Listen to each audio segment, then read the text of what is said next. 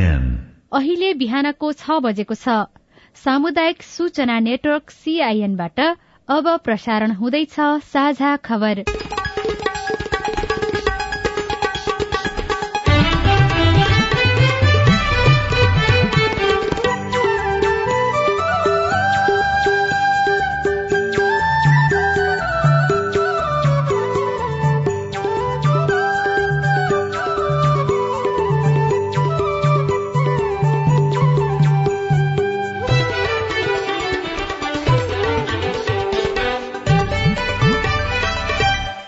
शुभ प्रभात यो सीआईएनको साझा खबर हो। स्नेहा कर्णसँगै राजन रुचालको तपाईँलाई स्वागत छ। सामुदायिक रेडियोबाट देशैभरि एकैसाथ प्रसारण भइरहेको साझा खबर सीआईएन खबर डट कम र मोबाइल एप सीआईएनबाट पनि सुन्न सकिन्छ। आज दुई हजार उनासी साल असोज आठ गते शनिबार सेप्टेम्बर चौविस तारीक सन् दुई हजार बाइस नेपाल सम्मत एघार सय बयालिस आश्विन कृष्ण पक्षको चतुर्दशी तिथि। साझा खबरमा प्रमुख खबरका शीर्षकहरू। चुनाव आउन सन्ताउन्न दिन बाँकी दलहरू उम्मेद्वार छनौट र घोषणा पत्र लेखनमा व्यस्त। असोज बीस गतेसम्म निर्वाचन अधिकृतको कार्यालय स्थापना गरिसक्न आयोगको निर्देशन चुनावको मुखमा नियम विपरीत पैंतालिस अर्ब बाँडियो। नागरिकता विधेयक प्रकरण दशैंपछि मात्रै सुनवाई हुने सम्भावना। एमालेसँग चुनावी तालमेलका लागि लोसपाले समिति बनायो। डेंगी पूर्ण नियन्त्रणमा आउन अझै दुई महिना लाग्ने। नेपाल भारत जलस्रोत सचिव स्तरीय बैठक। बाइस वर्ष अघिकै एजेण्डामाथि सात बुधे सहमति। बथनाहा बुद्धनगर कारगोइल तिहार अगाडि नै शुरू हुने रैथाने बाली उत्पादनमा मकवानपुर गाउँपालिका मकवानपुर गढ़ी गाउँपालिकाको अनुदान। सिरियामा डुंगा दुर्घटना हुँदा सतहत्तर जनाको मृत्यु भारतको विदेशी मुद्रा भण्डारणमा पाँच अर्ब अमेरिकी डलरले कमी। चीनसँग निरन्तर सम्वादको वातावरण आवश्यक रहेको अमेरिकाको भनाई। र नवौं राष्ट्रिय खेलकुदका लागि प्रदेश नम्बर एकद्वारा महिला फुटबल टोलीको घोषणा अस्ट्रेलियासँगको दोस्रो टी ट्वेन्टीमा भारतको जीत।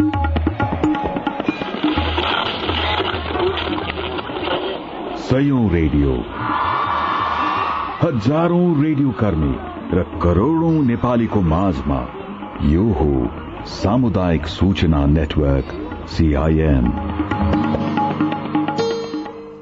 साझा खबरको सबैभन्दा शुरूमा आउँदो चुनावमा दलहरूको तयारी सम्बन्धी प्रसंग प्रतिनिधि सभा र प्रदेश सभा निर्वाचन आउन अब सन्ताउन्न दिन मात्रै बाँकी रहँदा राजनीतिक दलहरू निर्वाचनको तीव्र तयारीमा जुटेका छन्।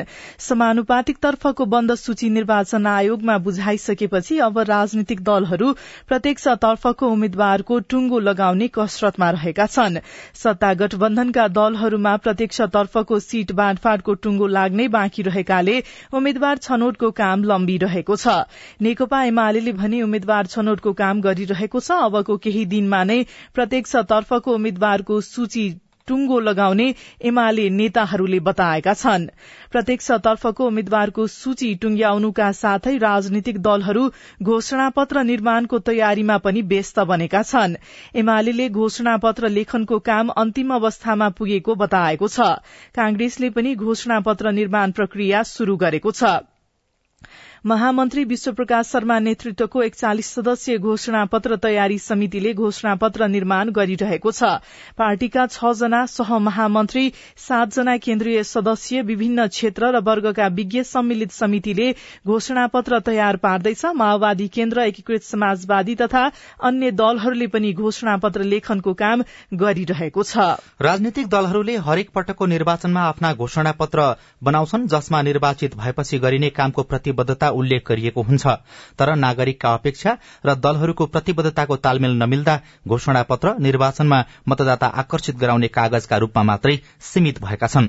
आगामी निर्वाचनका लागि पनि दलहरू घोषणा पत्र लेखनमा व्यस्त छन् के यसपटक घोषणा पत्रमा गर्न सकिने कामहरू लेखिँदैछ त? जसले किसानको भलाइ गर्दछ गाउँमा बस्ने मानिसहरूलाई को भलाइ गर्छ त्यही समाजवादी हो।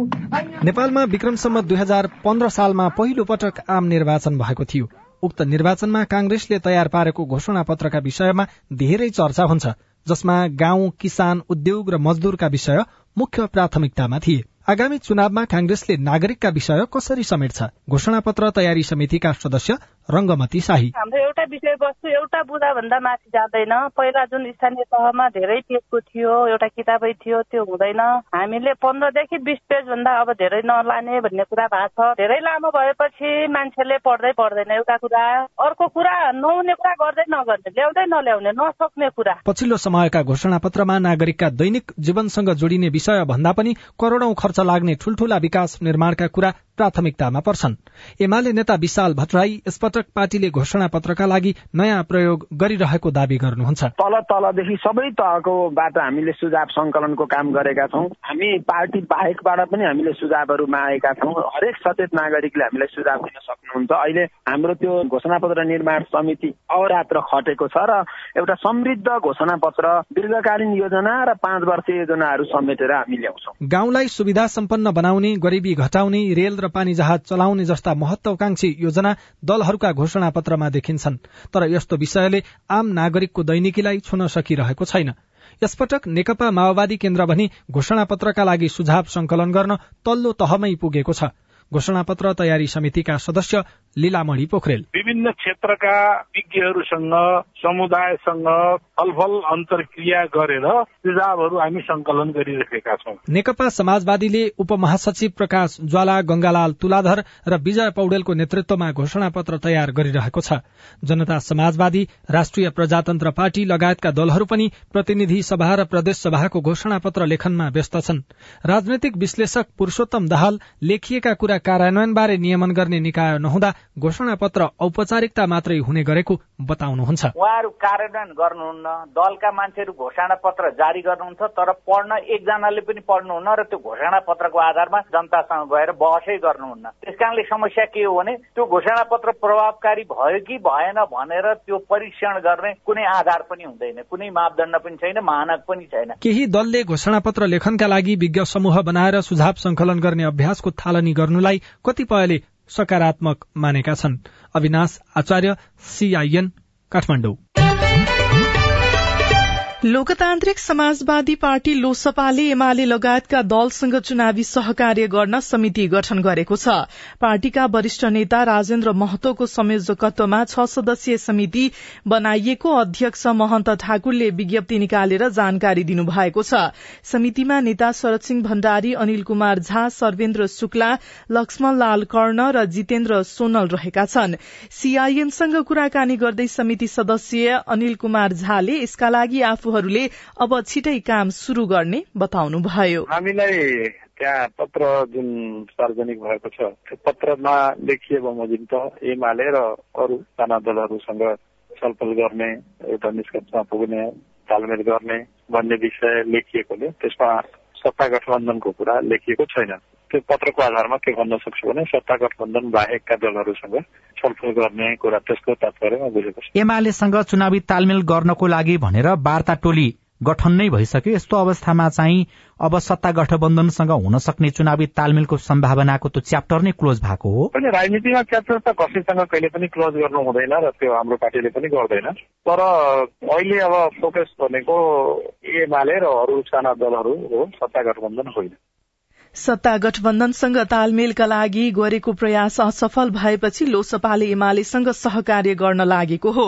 यसअघि एमाले र जसपाका नेताबीच विभिन्न चरणमा छलफल भए पनि औपचारिक रूपमा तालमेलको प्रयास भएको थिएन।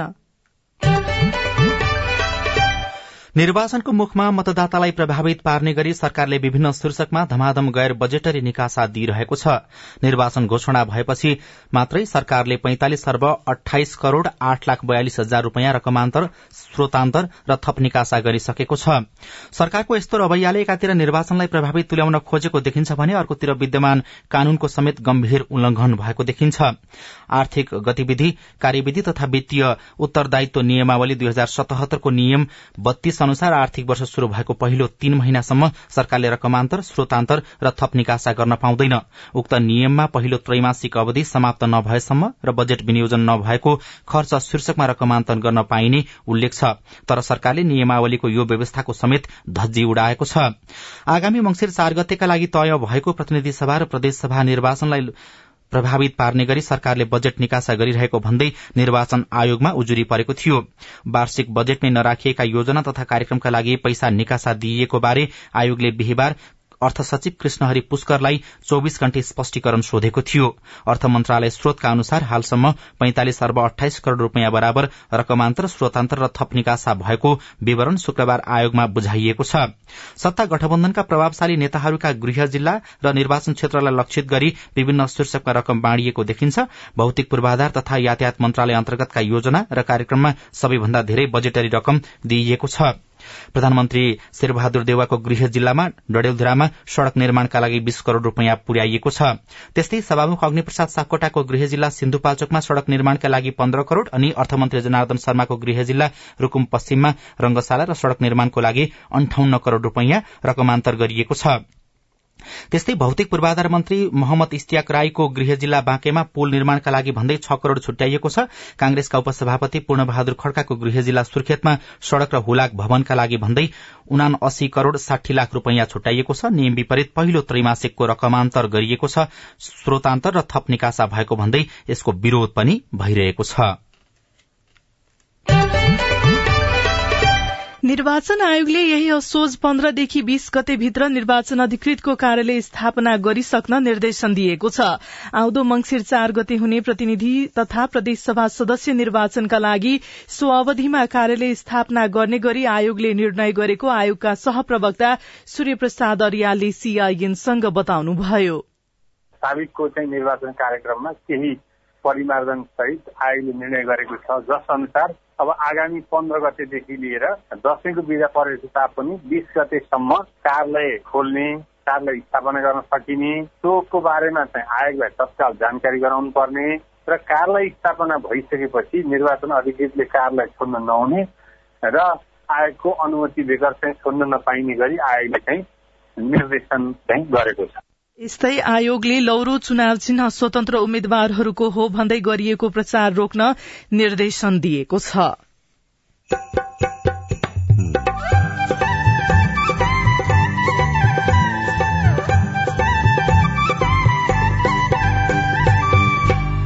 सामुदायिक सूचना नेटवर्क सीआईएन मार्फत देशभरि प्रसारण भइरहेको साझा खबरमा कोल्ड स्टोर अर्थात चिस्यान केन्द्र बनेपछि किसानलाई सजिलो। बजार पाएपछि बजारीकरण गर्ने बजारीकरण गर्न सकिएन भनेपछि कोल्ड स्टोरमा राखेर त्यसलाई पछि जुन बेला रेट हुन्छ त्यसको लागि त्यति बेला बेच्न धेरै सहज भएको छ। यो कोल्ड स्टोरले गर्दाखेरि डेंगी पूर्ण नियन्त्रणमा आउन अझै दुई महिनाको समय लाग्ने रैथाने बाली उत्पादनमा मकवानपुर गढी गाउँपालिकाको अनुदान लगायतका खबर बाँकी नै छन्। सीआईएनको साझा खबर सुन्दै गर्नुहोला। कहिलेकाहीँ हामीलाई लाग्छ नि जिन्दगी त बच्चा बेलामै रमाइलो थियो होइन र? फेरि एकपटक मौका आएको छ बच्चा बन्ने। अहिलेसम्मकै सर्वोत्कृष्ट नेपाली चलचित्र ऐना झ्यालको पुतलीको साथमा। तपाईँको नजिकको सिनेमा घरमा भव्य प्रदर्शन भइरहेको छ। मम्मी खाजा। मम्मी मेरो होमवर्क गर्ने कापी। बुहारी एकदम खुट्टा दुख्यो। बुहारी चिया खान मन लागेको थियो। बुढी कपडा मैलो भएछ। अरे मेरो परिवार। भर्खरै सुनेको संवाद तपाईँलाई कस्तो लाग्यो? यही संवादलाई फेरि एकपटक यसरी सुनौ न है। मम्मी खाजा आज म बनाउँछु। मिठो बनाउँछु है। मम्मी मेरो होमवर्क गर्ने कापी मैले खोजिसके। अब म होमवर्क गर्छु। बुहारी एकदम खुट्टा दुख्यो। छोराले तेल तताएर लगाइदिएपछि अलि आराम भयो। बुहारी चिया खान मन लागेको थियो। सबैको लागि बनाएको छु। आऊ सबैजना खान।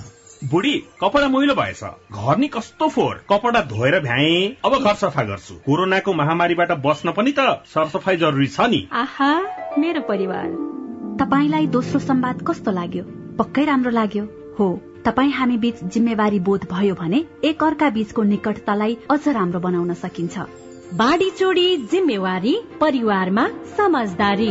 महिला बालबालिका तथा ज्येष्ठ नागरिक मन्त्रालय युएन वुमन ल्याक र अकुराबको सहकार्य। सामाजिक रूपान्तरणका लागि यो हो सामुदायिक सूचना नेटवर्क सीआईएन तपाईँ अहिले देशभरिका सामुदायिक radio CIN Khabar dot com र मोबाइल एप सीआईएनबाट एकैसाथ साझा खबर सुन्दै हुनुहुन्छ।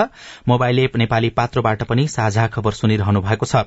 अब आज काठमाण्डुबाट प्रकाशित पत्र पत्रिकाको खबर। नयाँ पत्रिका दैनिकको पहिलो पृष्ठमा नागरिकता विधेयक राष्ट्रपति विरूद्धको मुद्दामा सुनवाई दशैंपछि मात्रै शीर्षकमा खबर लेखिएको छ। नागरिकता विधेयक प्रमाणीकरणका लागि परमादेश माग गर्दै दर्ता भएका रिट निवेदनमाथि दशैंपछि मात्रै सुनवाई हुने देखिएको छ। रिटमाथि हिजो सुनवाई हुन सकेन। गोला प्रथाबाट न्यायाधीश मनोज कुमार शर्माको एकल इजलासमा तोकिएको मुद्दा बत्तीसौं नम्बरमा परेको थियो। तर समय अभावले पालो नआए भएका कारण भोलि पेशीमा चढ़ने गरी पाँचवटै रिटलाई हिजो हेर्न नभ्याइनेमा राखिएको छ। नागरिकता जस्तो संवेदनशील विषयसँग जोडिएको मुद्दामा भोलि पेशी तोकिए पनि पालो आउने सम्भावना न्यून रहेको अदालतकै कर्मचारीहरूले बताएका छनृ। डेंगी संक्रमण उच्च बिन्दुमा संक्रमित बाइस हजार नाग्दा उनातिस जनाको मृत्यु शीर्षकमा अर्को खबर लेखिएको छ। डेंगी संक्रमण उच्च बिन्दुमा पुगेको छ। असारको पहिलो सातादेखि शुरू भएको डेंगीबाट हालसम्म बाइस हजार नौ सय बाहन्न जना संक्रमित भएका छन्। यीमध्ये उनातिस जनाको मृत्यु भएको छ। भयावह रूप लिइरहेको डेंगी नियन्त्रणमा आउन अझै दुई महिनाको समय लाग्ने प्रक्षेपण गरिएको छ। कार्तिक अन्तिम सातादेखि डेंगी नियन्त्रणमा आउन सक्ने स्वास्थ्य तथा जनसंख्या मन्त्रालयको अध्ययनले देखाएको छ। अहिले डेंगी पीकमा छ अझै एक महिना संक्रमण घट्दैन मन्त्रालयका प्रवक्ता डाक्टर संजय ठाकुरले भन्नुभयो कार्तिकको अन्तिमसम्ममा भने यो हराएर जानेछ। मन्त्रालयले भदौ पहिलो साता नै सबै स्थानीय तह अन्तर्गतका स्वास्थ्य विभाग तथा शाखा जिल्ला स्वास्थ्य कार्यालय स्वास्थ्य चौकी लगायतलाई डेंगी नियन्त्रणका कार्यक्रम बनाउन निर्देशन दिएको थियो। तर स्थानीय स्तरमा लार्भा नियन्त्रणका लागि प्रभावकारी कदम नचाल्दा संक्रमण उच्च बिन्दुमा पुगेको छ। यसलाई रोक्न स्थानीय तहकै भूमिका रहने भए पनि उनीहरूले चासो नदिँदा संक्रमण दर बढ़ेको मन्त्रालयका प्रवक्ता ठाकुरको भनाइ छ। त्यस्तै कान्तिपुर दैनिकमा नेपाल भारत जलस्रोत सचिव स्तरीय बैठक बाइस वर्ष अघिकै एजेण्डामाथि सात बुँदे सहमति शीर्षकमा खबर छापिएको छ। जलस्रोत व्यवस्थापन र बाढ़ी नियन्त्रणसँग सम्बन्धित विभिन्न विषयमाथि सातमुदे सहमति जुटाउँदै Nepal Bharat joint committee on water resource जेसीडब्ल्यूआरको नवौं बैठक शुक्रबार काठमाण्डुमा सकिएको छ। दुई देशका जलस्रोत सचिव स्तरीय संयन्त्रका रूपमा रहेको जेसीडब्ल्यूआरले मुख्य गरी महाकाली सन्धि गण्डक तथा कोशी सम्झौता कार्यान्वयनको अवस्था र विभिन्न नदीको पानी व्यवस्थापनलाई केन्द्रमा राखेर काम गर्दै आएको छ। जेसीडब्ल्यूआर गठन भएदेखि हालसम्म विभिन्न समयमा बसेका बैठकमा लगभग एजेण्डा उस्तै छन् र तीनबाट जुटाएको सहमति पनि उस्तै छ। यसअघि आठ पटकसम्म सहमति जुटाएर हस्ताक्षर भएको विषयमा पनि फेरि सहमति भएको छ तर कार्यान्वयनको भने टुंगो नभएको खबरमा उल्लेख गरिएको छ। त्यस्तै कान्तिपुर दैनिकमै रैथाने बाली उत्पादनमा अनुदान शीर्षकमा प्रताप विष्टले हेटौँडाबाट लेख्नु भएको खबर छापिएको छ। मकवानपुर गढ़ी गाउँपालिकाले बाँझो जग्गाको उपयोग गरी रैथाने बाली उत्पादन तथा खरिद गर्नेलाई अनुदान दिने व्यवस्था गरेको छ। पालिकाले बाँझो जग्गामा कोदो र फापर जस्ता रैथाने बाली लगाउने किसानलाई प्रतिरोपणी नौ सय रूपियाँ अनुदान दिने भएको हो। यसै गरी बाँझो जग्गामा आँप कटहर सुन्तला कागती लगायतका फलफूल खेती गरे प्रतिरोपणी दुई हजार रूपियाँ र अन्न तरकारी नगदे बाली मसलाजन्य खेती गरे प्रतिरोपणी दुई हजार पाँच सय रूपियाँ अनुदानको व्यवस्था पनि गरिएको छ।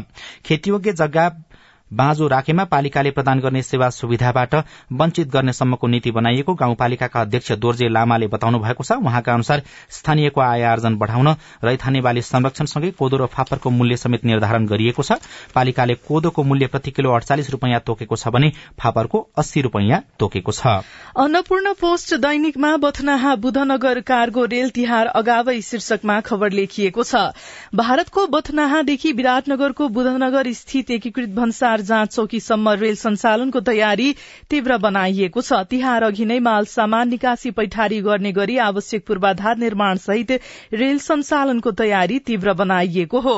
मुआवजा विवादका कारण कटहरी तर्फको काम सम्पन्न हुन नसके पनि कुल अठार दशमलव छ किलोमिटर मध्ये बुधनगरसम्मको आठ किलोमिटरमा कार्गो रेल सञ्चालनको प्रक्रिया अघि बढ़ाइएको हो।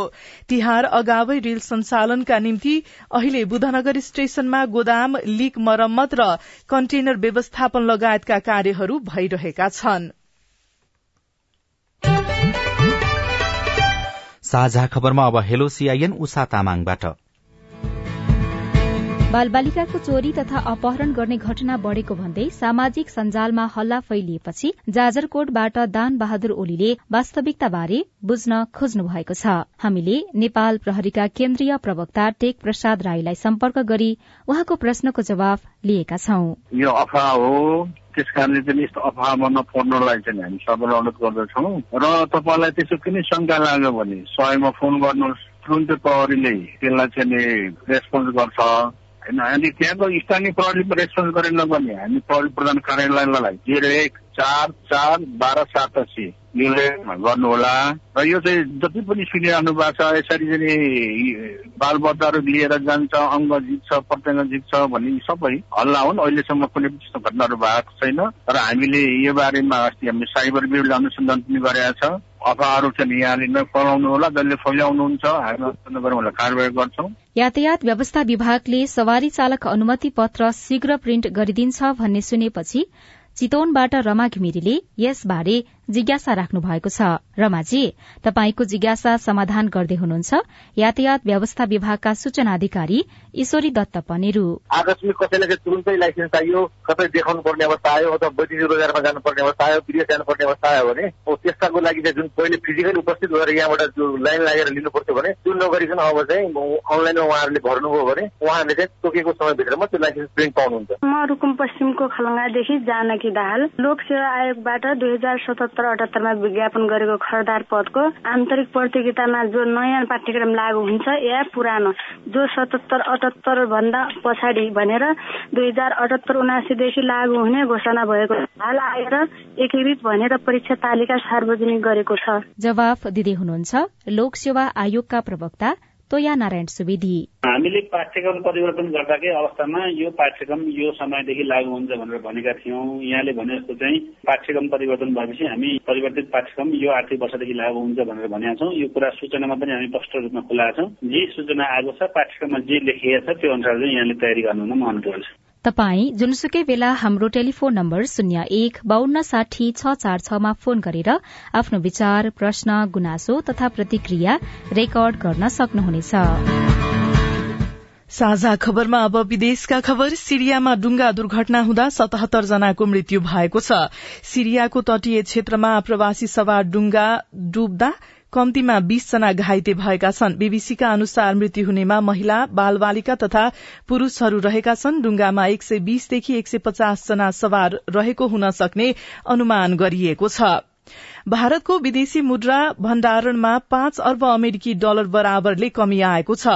छब्बीस सेप्टेम्बरमा सकिने यो महिनाको हप्तामा पाँच अर्ब अमेरिकी डलरले कमी आएर पाँच सय पैंतालिस अमेरिकी डलर पुगेको छ। भारतीय रिजर्भ ब्याङ्कका अनुसार तीन महिना अघिसम्म भारतको विदेशी मुद्रा भण्डारण छ सय अमेरिकी डलर रहेको थियो र अमेरिकी विदेश मन्त्री एन्टनी ब्लिङ्कनले चीन र अमेरिका बीच संचार र संवादको वातावरण बनिरहनु पर्ने बताउनु भएको छ। हिजो न्यूयोर्कमा संयुक्त राष्ट्र संघको महासभाका लागि उपस्थित चिनिया समकक्षी वाङ यीसँगको भेटमा ब्लिङ्कनले विशेष गरी दुई देशबीच उत्पन्न तनाव कम गर्न वार्ता र छलफल जारी रहनुपर्ने बताउनुभयो। साझा खबरमा अब खेल खबर नवौं राष्ट्रिय खेलकुद प्रतियोगिताका लागि प्रदेश नम्बर एकले महिला फुटबल टोलीको घोषणा गरेको छ। खेलकुद विकास बोर्ड प्रदेश एकले हिजो गण्डकी प्रदेशमा हुने नवौं राष्ट्रिय खेलकुद प्रतियोगिताका लागि बीस सदस्यीय टोलीको घोषणा गरेको हो। बोर्डका उपाध्यक्ष जिना कार्कीले टोलीमा सबैभन्दा बढ़ी झापा र धनकुटाका खेलाड़ी परेको बताउनु भएको छ। अस्ट्रेलियासँगको टी ट्वेन्टी श्रृंखला अन्तर्गत दोस्रो खेलमा भारतले जित हात पारेको छ। भारतको नागपुरमा गए राति भएको खेलमा घरेलु टोली भारत छ विकेटले विजयी भएको हो। जितका लागि अस्ट्रेलियाले दिएको एकानब्बे रनको लक्ष्य भारतले सात ओभर दुई बलमा चार विकेट गुमाएर पूरा गर्यो। वर्षाका कारण आठ ओभरमा सीमित भएको खेलमा अस्ट्रेलियाले पूरै ओभर खेल्दै पाँच विकेट गुमाएर नब्बे रन बनाएको थियो। जितसँगै तीन खेलको टी ट्वेन्टी श्रृंखला एक एकको बराबरीमा अगाडि बढ़ेको छ। श्रृंखला अन्तर्गत अन्तिम खेल भोलि हुनेछ। र इंग्ल्याण्डले पाकिस्तान विरूद्ध सात खेलको टी ट्वेन्टी अन्तर्राष्ट्रिय श्रृंखलामा दुई एकको अग्रता बनाएको छ। गैराती पाकिस्तानको कराँचीमा भएको खेलमा इंग्ल्याण्डले दुई सय बाइस रनको लक्ष्य दिएकोमा पाकिस्तानले आठ विकेट गुमाएर एक सय अन्ठाउन्न रन मात्रै बनाउन सक्यो र त्रिचालिस रनले पराजित भयो। त्यसअघि पहिले ब्याटिङ गरेको इंग्ल्याण्डले बीस ओभरमा तीन विकेट गुमाएर दुई सय एक्काइस रन बनाएको थियो। देशभर झण्डै पचासवटा कोल्ड स्टोर सञ्चालनमा कृषि उपज भण्डारणमा सहज रेडियो रिपोर्ट स्वस्थ जीवनशैली सम्बन्धी सन्देश अरू खबर र कार्टुन पनि बाँकी नै छ। सीआईएनको साझा खबर सुन्दै गर्नुहोला।